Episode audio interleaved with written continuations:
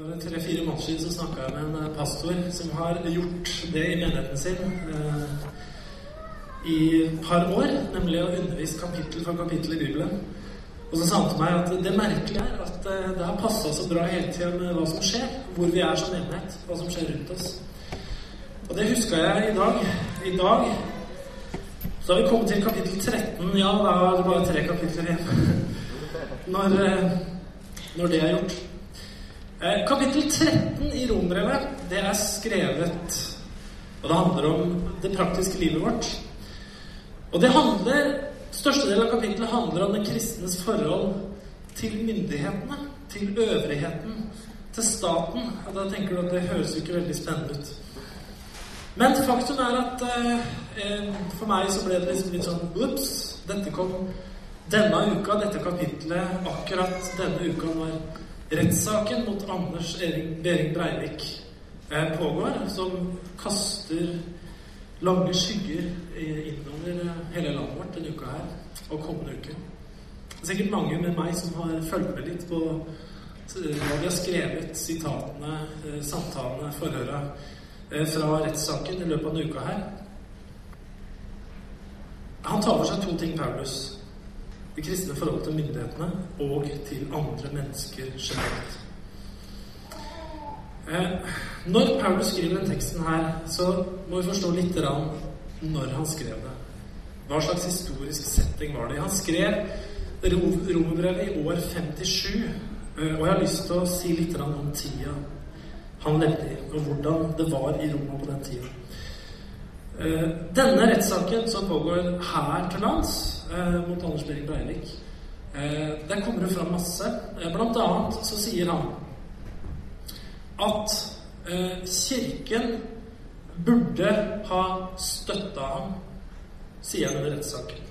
Han mener at Kirken burde ha støtta det han har gjort, fordi det han har gjort, har eh, et, et godt endemål, nemlig å stoppe eh, islamiseringen av Europa, som han da mener, og mange mener skjer gjennom innvandring. Eh, han sier at han har forsøkt alle mulige demokratiske midler ved å være politisk engasjert, ved å være med, med i forskjellige sammenhenger sånn. Men at demokratiet ikke er reelt, at det ikke gir ham plass. Og derfor har han vært nødt til å gå til dette steget, som han da gjorde i Oslo og på Utøya 22. juli i fjor. Han eh, kom til et punkt der han måtte gjøre noe så drastisk, mener han. Han kunne ikke underordne seg myndighetene lenger. Og noe av det han har sagt mye, det er at han har gjort det for å redde kristendommen. Det er veldig viktig for ham. Og den europeiske kulturen. Veldig interessant. Eh, saken er at når jeg leser eh, argumentasjonen hans og tankene hans om framtida, så er det ganske mange av de tinga han tenker om framtida, og mange, en god del av hans analyser som jeg har hørt fra uh, ulike prekestoler uh, opp gjennom åra. Det er veldig likt. Masse av det. Uh, selvfølgelig ikke hans metode og tanke om det, men mye av tenkinga rundt utviklingen osv. Det, det stemmer ganske godt. I Etter Utøya så skrev jeg en artikkel i KS, en kronikk, som het 'Det kristenkonservative grumset', som det blei masse ståk rundt. Rett og slett. Det, er, det var årets mest leste artikkel eh, til KS i fjor, på nettet. Det ble masse diskusjoner og masse greier. Fordi jeg mener at det her, det her ligner noe. Det er grumsete, en del av de holdningene som også fins blant oss. Og det har litt med forholdet til myndighetene å gjøre, og som kristne. Jeg skal si litt mer om det. Men jeg, skal si litt når Paulus skriver her om å underordne seg øvrigheten og underordne seg myndighetene, skal vi se hva slags historisk setting var det rundt menigheten i Roma som han skriver til. Eh, styreformen i Romerriket på den tida her, det var diktatur. Eh, det var et, en, en keisermakt. Det var et keiserdømme imperium romanum.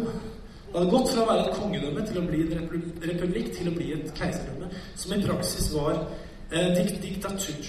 Den første keiseren Augustus han eh, navnga sin stilling som prins, prinseps, altså primus inter pares, først blant likemenn. Og han da sa at han var først blant likemenn i Senatet. Og han sier at eh, på en måte så er Senatet intakt, i virkeligheten så var det all makt til keiseren.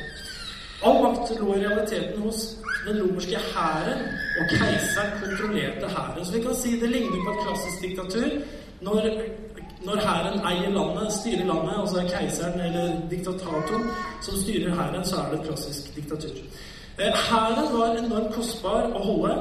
Eh, og mye av statsadministrasjonen og veldig mye av skattepengene som ble krevd inn, de ble tatt inn for å holde hæren i live og holde hæren sterk. Hæren var keiserens eh, hva skal vi si, verktøy for å holde nasjonen i sin hånd, eller riket i sin hånd. Når Paulus skrev romerbrevet i år 57, så har keiser Claudius han vært død i tre år. Siden eh, år 54. Eh, han hadde styrt imperiet ganske lenge. Han eh, har inntatt nye områder, bl.a. I Britannia, England. Han har utvida Romerriket ytterligere. Så dør han, og hans sønn overtar, og han heter Nero. Keiser Nero, som tok over etter Claudius, han blir kjent I ettertid så blir betegnet som en av de verste tyrannene som noensinne har levd som en sånn stort statsoverhode, keiser Han er 16 år når han overtar etter sin far. Og I begynnelsen så er det en som heter Seneca, som gjør mye av styringa fordi han er veldig ung ennå. Men han kommer ganske raskt på banen og blir en aktiv keiser. Eh, Nero han eh, ble senere kjent for å så altså Når Paulus skriver brevet, så har Nero vært keiser i i tre år. Nero han ble veldig kjent sånn i ettermælet hans. altså Bybrannen i Roma ble en kjempestor bybrann uh, i Roma i år 64. Uh, og han er kjent da for å ha stått og spilt harpe oppe på terrassen sin mens brannen pågikk. Uh, det som skjer i etterkant av brannen, er at eh, utrolig mye av Roma brenner ned til grunnen. Og han gir da de kristne skylda for denne brannen.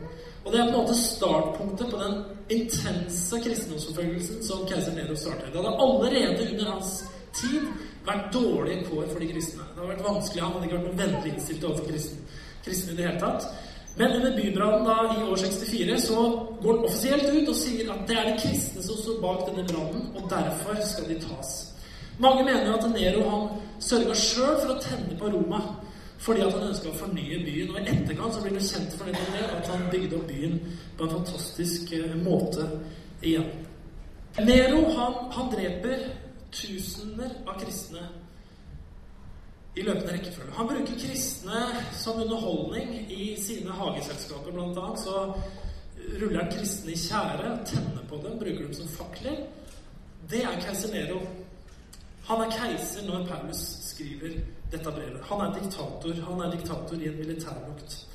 Noen hendelser for å gi oss litt sånn eh, innblikk i akkurat denne tida. Hva som skjer? Hvordan er det å være kristen i Roma under Romerriket akkurat når dette her blir skrevet i år 57? Keiser Nero altså blir keiser i år 54. Eh, Paulus skriver da romerbrevet i år 57. Paulus dør i år 63. Noen kilder sier 67, men Paulus dør i hvert fall noen få år etterpå. Eh, den store, den store organiserte krist, offisielle organiserte kristendomsforfølgelsen starter i år 64-65. Eh, Markusevangeliet skrives i år 65. Det er da det året forfølgelsen begynner. Det er de første evangeliene som kommer ut. Nero han tar selvmord i år 68.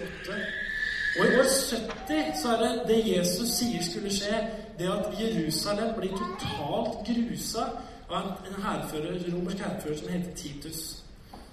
Det var ganske, ganske dramatisk tid. da. Jeg vet man skal se Hvordan var det å være kristen? Altså, Det var ikke en, var ikke en tid med, med masse privilegier. Det var ikke en tid hvor liksom de kristne var oppe på høyt plan og veldig liksom løfta opp i samfunnet. Det var vanskelig å være kristen. Det var vanskelig I forhold til religion og rettigheter så hadde, hadde de jo utvikla en sånn romersk mytologi. Som var en sånn blanding av mennesker som han dyrka tidligere, ikke sant, som var døde, og at de hadde tatt inn masse fra gresk eh, augustdyrkelse og gitt dem nye navn osv. Og, så og de mente jo da ikke at det var personlige guder, men de mente det var ånder som de kunne da tilbe osv. Og, så og de mente også at alle mennesker hadde en egen skytsengel, en egen genius, genius, som fulgte med dem. Og alt som hadde med religionen å gjøre, det var, strengt styrt og regulert av et prestekontor som ble ledet av en som da ble kalt for Pontifex Maximus. Ikke sant? For dere som har lest Asterix, så kjenner dere sånne type ord. Eh, som var da en ypperste prest. De kristnes religion på denne tida det var sett på som en liten, brysom sekt som skapte uro i riket. Så skriver Paulus om de kristnes forhold til disse myndighetene. Og han skriver som følger i Rombrevet 13, 1-2. Der står det enhver skal være lydig mot de myndigheter han har over seg. For det finnes ingen myndigheter som ikke er fra Gud, og de som finnes, er innsatt av Gud. Den som setter seg opp mot dem, står derfor imot det Gud har bestemt, og de som gjør det, skal få sin dom. Litt i forhold til verden de lever i, og som han skriver til, så blir jo det verset her ganske interessant. Eh, la oss si det sånn her. Gud han har innsatt visse institusjoner, visse ordninger, som skal gi mennesket gode rammer å leve i. Det er disse ordningene her. Det er ekteskapet, skråstrek familien. Det er en ordning som er gitt av Gud. Det andre det er menigheten, kirken. Den andre ordningen som er innsatt av Gud. Og så er det samfunnet, som er den tredje ordningen som er innsatt av Gud for å være en Guds tjener. Alle disse ordningene, eller disse institusjonene, ekteskapet, kirken og samfunnet, øvrigheten, eh, de er til for å gi mennesker gode rammer å leve i. De er til for å bekjempe ondskap. De er til for å skape gode rammer for relasjoner, for gudsliv og for å leve sammen med hverandre som folk.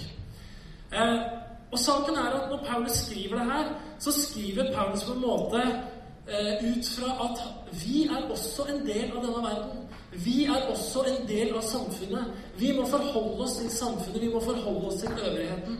En del kristen tenking har vært sånn Skulle ønske ikke vi var på jorda. Vi må isolere oss, vi må vekk, vi må ut. Vi skal liksom leve for oss sjøl inni en sånn liten boble. Paulus er ikke sånn. Han er midt i samfunnet. Kirken er midt i samfunnet. Han lever midt oppi der og snakker om hvordan skal vi forholde oss til da en av disse tinga som Gud har skapt, nemlig myndighetene. Hvordan skal vi forholde oss? Paulus poengterer at selve ordningen er innsatt av Gud og myndighetene har fått et tydelig mandat. Paulus skriver videre i det 13. kapittelet. Han sier sånn her eh, For de som styrer, skal ikke skape frykt hos de som gjør det gode, men hos dem som gjør det onde. Vil du slippe å frykte myndighetene, så gjør det gode, så skal du få ros. Styresmaktene er en Guds tjener til det beste for deg, men gjør du det onde, har du grunn til å være redd. For styresmaktene bærer ikke sverd uten grunn. Det er Guds tjener som skal fullbyrde hans straff over de som gjør det onde. Derfor er det nødvendig å være lydig, ikke bare i frykt for straffen, men også for samvittighetens skyld. Betal også skatt av samme grunn, for myndighetene er Guds tjenere og har ansvar for alt slikt. Gi alle det du skylder dem. Betal skatt til den som skal ha skatt. Toll til den som skal ha tolv. Vis respekt for den som skal ha respekt, og gi ære til den som skal ha ære. Det er mandatet som Paulus sier Gud har gitt til myndighetene, nemlig å bekjempe det onde, ta inn skatter og avgifter. Glory? Amen? Amen. Ok. Det er vanskelig å få amen på sant. Det blir ikke noe vekkelsesmøte her i dag. Men kanskje det gjør det likevel. Eh, selv om Selv om det var et diktatur, selv om det var en ond leder, så var det likevel en rettsstat. Eh, saken er at også i disse vanskelige omstendighetene så var det nok sånn at de som var tyver, som stjal, som drepte, som voldtok, som gjorde kriminelle handlinger, de ble putta i fengsel av myndighetene. Så noe godt gjorde dem, ikke sant? Samtidig så ser vi at de også etter hvert gjør mye, mye som ikke er godt. Eh, myndighetene er Guds tjener og bærer i dette oppdraget Paulus sier sverd. Helt konkret, de bærer sverd. Myndighetene har sverd på seg. Og da er det veldig tydelig at han snakker om da romerske hæren, disse soldatene, som bar sverd for å utøve eh, myndighet. Hva bruker man sverd til? Det kan du tenke på sjøl. Hva man bruker sverd til? Da bruker man batong. Eh, men det er jo gjerne sånn, for å sette litt sånn på spissen, så er det sånn at hvis en tyv kommer ut av banken, ikke sant, og en politimann står der med en batong og slår han i hodet så han faller ned og blir tatt og satt i fengsel, så har han tjent Gud. Amen? Ja, men det er det det står her. Så enkelt er det. Vi er jo glad for det, er vi ikke det?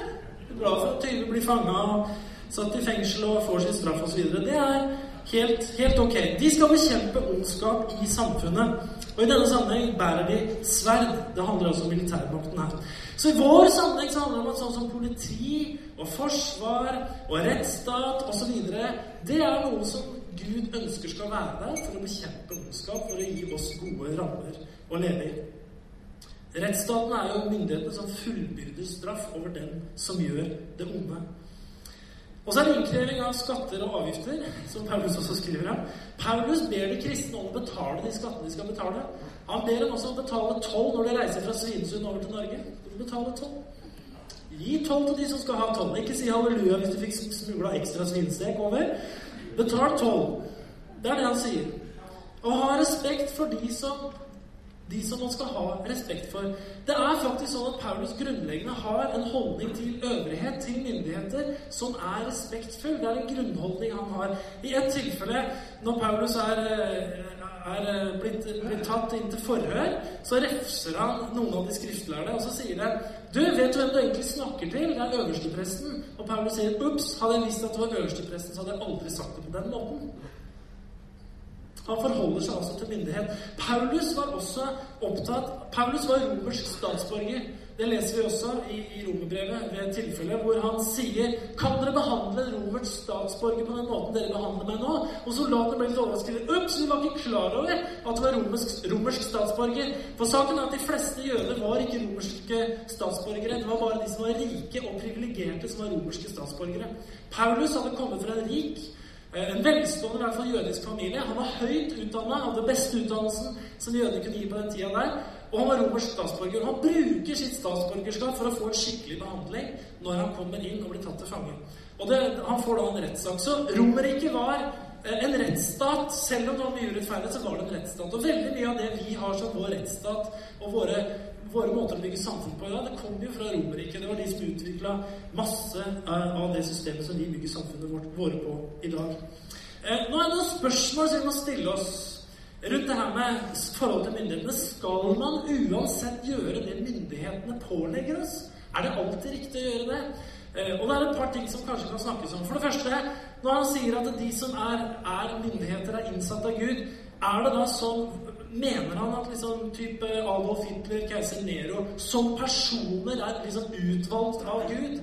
Eh, nei, det er ikke en vanlig tenking. Den tenkinga som fins rundt det her, er at ordningen er innsatt av Gud. Så kan denne ordningen fylles av onde og dårlige eh, mennesker, eller av gode mennesker. Og så er det derfor tilfeller hvor Bibelen viser oss at man skal ikke alltid lyde myndighetene. Men det betyr ikke at man grunnleggende skal forlate respekten for de ordningene som finnes i samfunnet. Vi har f.eks. i eh, Apostlenes gjerninger, hvor apostlene har vært ute og forkynt. Apostlenes gjerninger 5. Peter, apostlene, har forkynt evangeliet. De blir kasta i fengsel. Og når de skal slippes ut, så får de beskjed eh, de slipper dere ut, men det er én ting som dere ikke får lov til å gjøre. Og det er å forkynne i det navnet Jesus Kristus. Det Leggende forbud mot, sier det store rådet. Da svarer Peter og de andre apostlene i Apostelens gjerninger 5.29 en skal lyde Gud mer enn mennesker.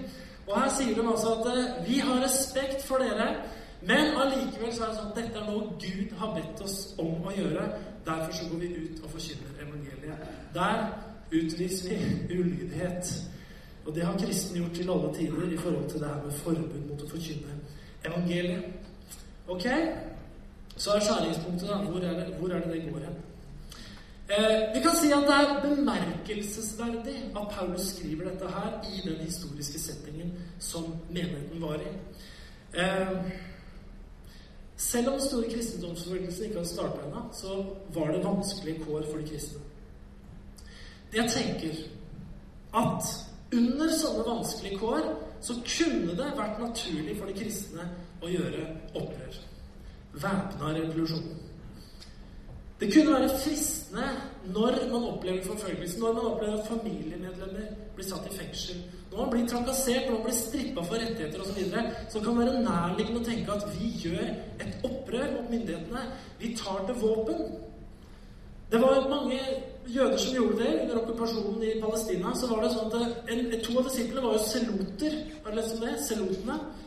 Hvem var det? Andreas og Andreas og Philip var sønnene mine, holdt jeg på å si. Men var Andreas sønn til? altså, Selot var en knivmann, betyr det. Altså, det var knivmenn. Det var en sånn der, liten sånn underground-bevegelse som drev og knivstakk romere og holdt på med det. Så to av disiplene hadde vært med der. Eh, saken er at det ligger jo nær for hånden veldig ofte gjøre et sånt type opprør. Derfor så tror jeg Paulus skriver om det.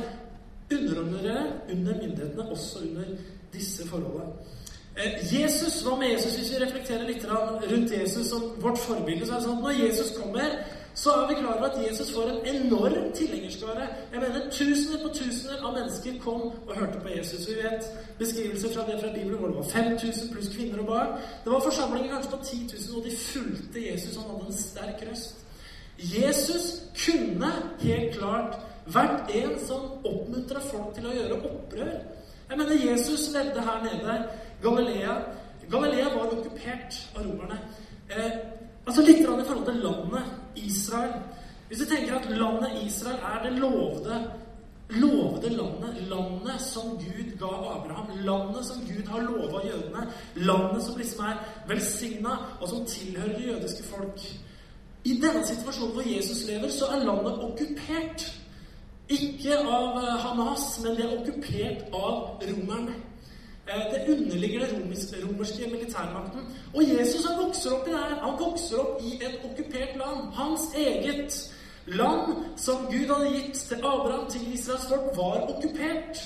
Og Derfor er det også at, eh, at disiplene spør Jesus når, på slutten av livet hans når skal du liksom tilride deg makten og sette deg på tronen i Jerusalem. Altså, Når skal du hive romerne ut? Når skal du ta med deg folket og gjøre revolt? Og ta makten tilbake i Jerusalem, sånn som det står skrevet at Messias skal gjøre. Han skal sette seg på tronen i Jerusalem. De hadde misforstått Jesus. Jesus søker aldri politisk makt. Han søker aldri å komme inn og få rettigheter i politikken. Han kunne ha egga opp sin store tilhengerskare til å gjøre det, men han gjør det aldri.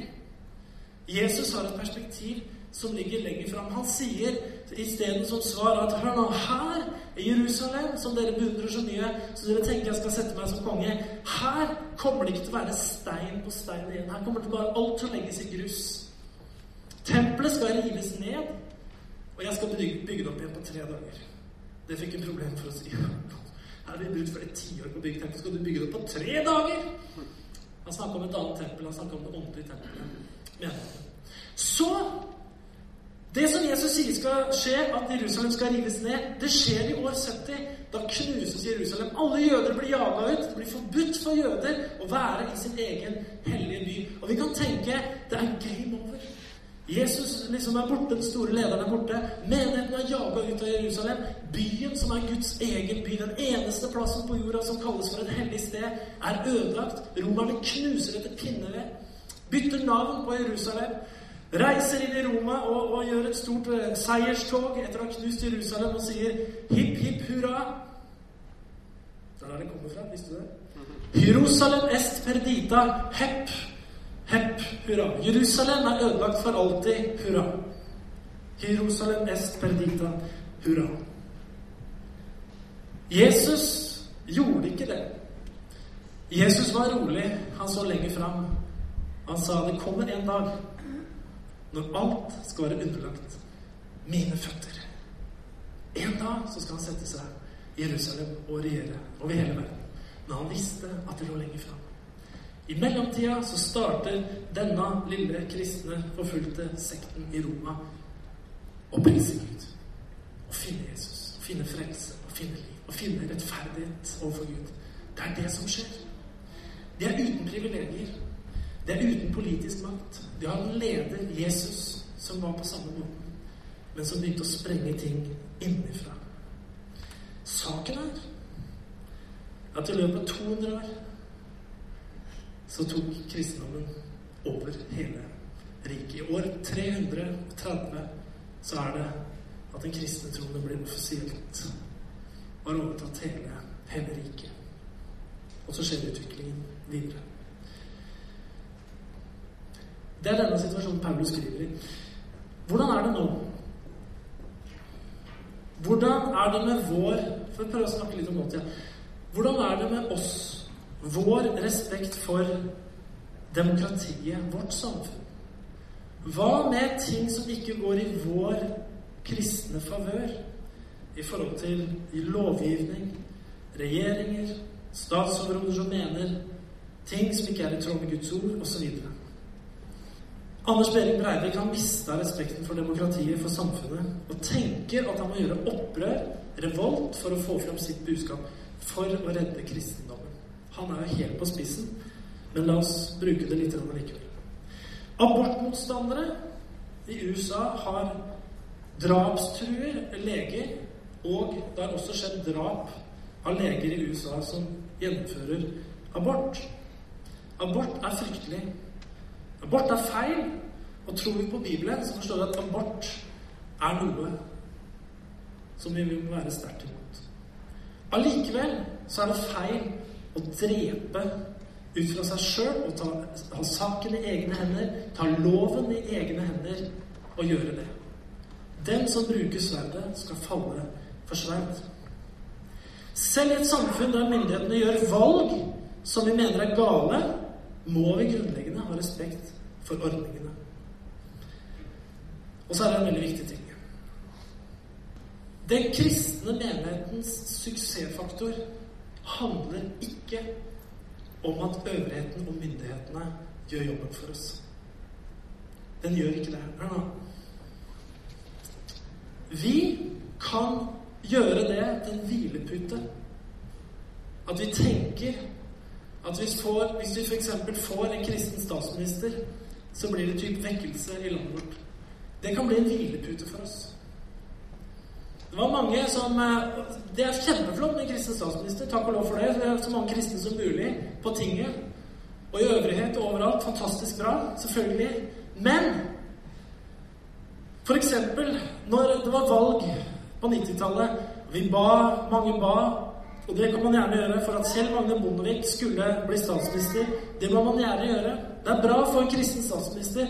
Men noen hekter på tanken og tenker om vi får en kristen statsminister, om vi får en type kristen regjering, så vil det begynne liksom en vekkelse i landet vårt. Det vil være liksom en sånn nøkkel for å få vekkelse i landet vårt. Det er sludder. Vet du hva vi gjør? Vi tenker at staten skal sørge for at det blir vekkelse. Staten kommer aldri til å sørge for at det blir vekkelse. Staten kommer aldri til å ha det oppdraget å få gjort det. Vet du hvem som har det oppdraget? Det er Guds menighet. Det er Guds menighet. Vekkelser har alltid kommet ut fra levende forsamlinger som priser Gud, som tilber Ham, og som ofrer sitt liv for å tjene andre. Det er der vekkelse kommer fra. Sånn er det. Det er flott med lovgivning som er på linje med Guds ord. Selvfølgelig er det bra, det er en velsignelse. Men det er ikke det som avgjør om det blir vekkelse. Det er ikke det som avgjør om Guds rike bryter igjennom. Hallo! Denne situasjonen i Romerriket, i Roma, hvor det er så lite i kristendommens favør, hvor myndighetene er så imot, det er organisert avgudsdyrkelse, det er en åndsverdensbilde som ikke er på linje med Bibelen i det hele tatt. Her fødes det en menighet som vinner seier over verden. Hvorfor? Fordi Gud er med oss. Eh, jeg skrev en artikkel i KS denne uka her. Når Gud er med oss Vet du hva Paulus skriver i Romerne 8 til menigheten? som skriver sånn her i vers 31-37. Hør etter. Hva skal vi si til dette? Er Gud for oss? Hvem er da imot oss? Han som ikke sparte sin egen sønn, men ga ham for oss alle. Han kan, kan han gjøre noe annet enn å gi oss alle ting sammen med ham? Hvem kan anklage den Gud har utvalgt? Gud er den som frikjenner. Hvem kan da fordømme? Kristus Jesus er den som døde, ja, mer enn det, sto opp og sitter ved Guds høyre hånd, og han ber oss og han ber for oss. Hvem kan skille oss fra Kristi kjærlighet? Og så kommer dette som kanskje er en situasjon han skriver inn i til romerne. Nød, angst, forfølgelse, sult, sult nakenhet, fare eller sverd, som det står skrevet. For din skyld drepes vi hele dagen lang. Vi regnes som slaktesauer. Men i alt dette vinner vi mer enn seier ved Han som har elsket oss. For jeg er fullt visst på at verken død eller liv, verken engler eller krefter, verken det som nå er eller det som kommer, eller noen makt, verken det som er det høye eller det dype, eller noen annen skapning, skal kunne skille oss fra Guds kjærlighet i Kristus Jesus, vår Herre. Amen! Hvem kan være imot oss når Gud er for oss? Det er spørsmålet Paulus stiller. Og jeg tror at i denne kristne menigheten som vokser fram i Roma, så er det selvforståelsen. Hør da! Uansett hva som måtte skje, om vi lever tett på Gud, om vi lever nær til Gud, om vi er ved Han, hvem kan da være imot oss? Det er sjelden at vekkelser og store gjennombrudd og endringer har skjedd fordi at Kirken har vært privilegert.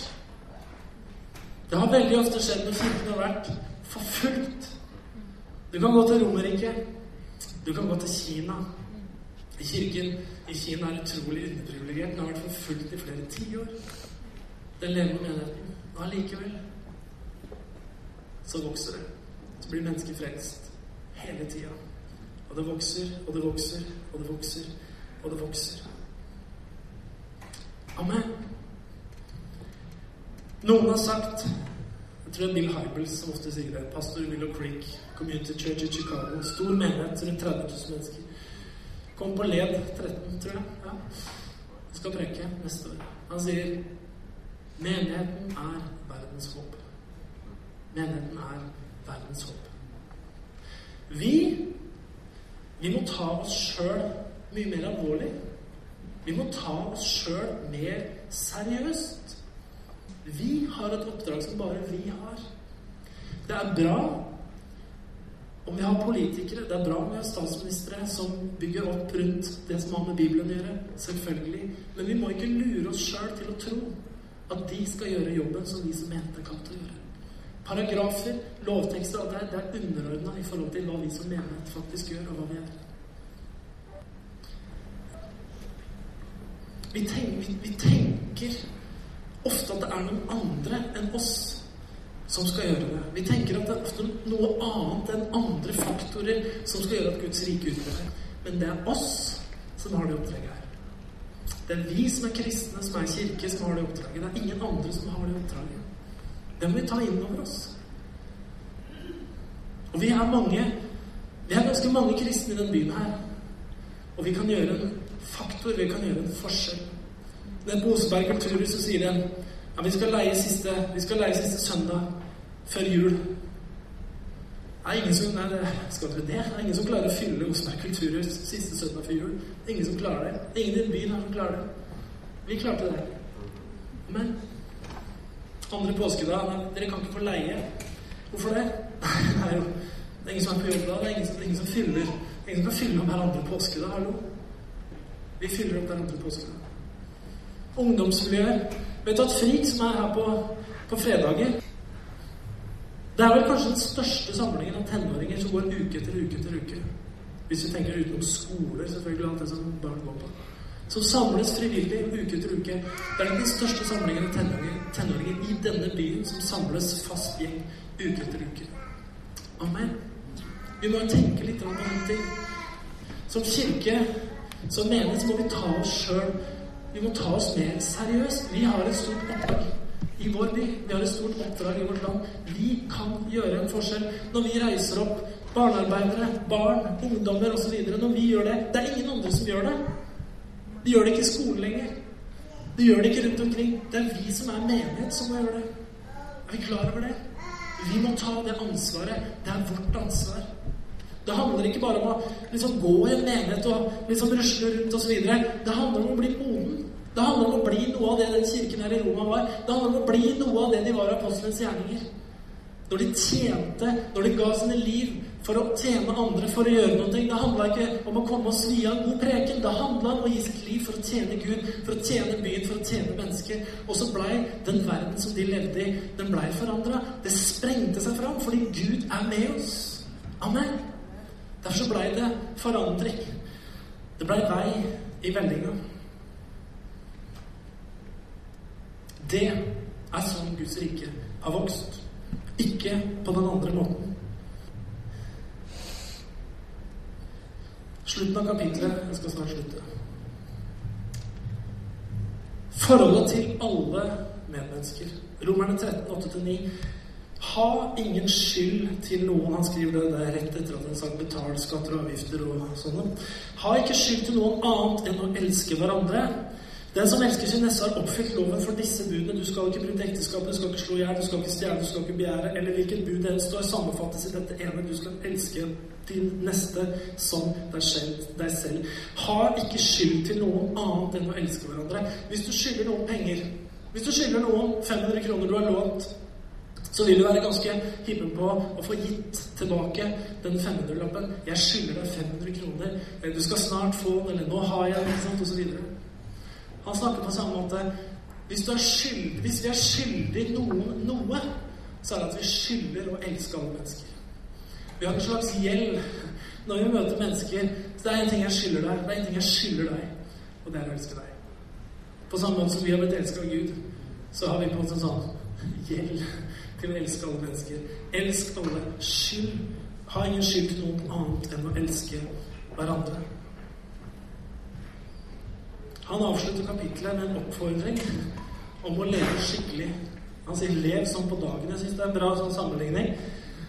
Bildet, Romere 13, 38. La oss leve sømmelig som på lyse dagen, ikke festing, fyll, hor og utskeielse, strid og misunnelse, men kle dere i Herren Jesus Kristus og er ikke så opptatt av kroppen at det vekker begjær. Lev som på lyse dagen. Det er en bra leveregel. Det er visse ting som er akseptert å gjøre på dagen, så er det visse ting som er akseptert å gjøre på natta.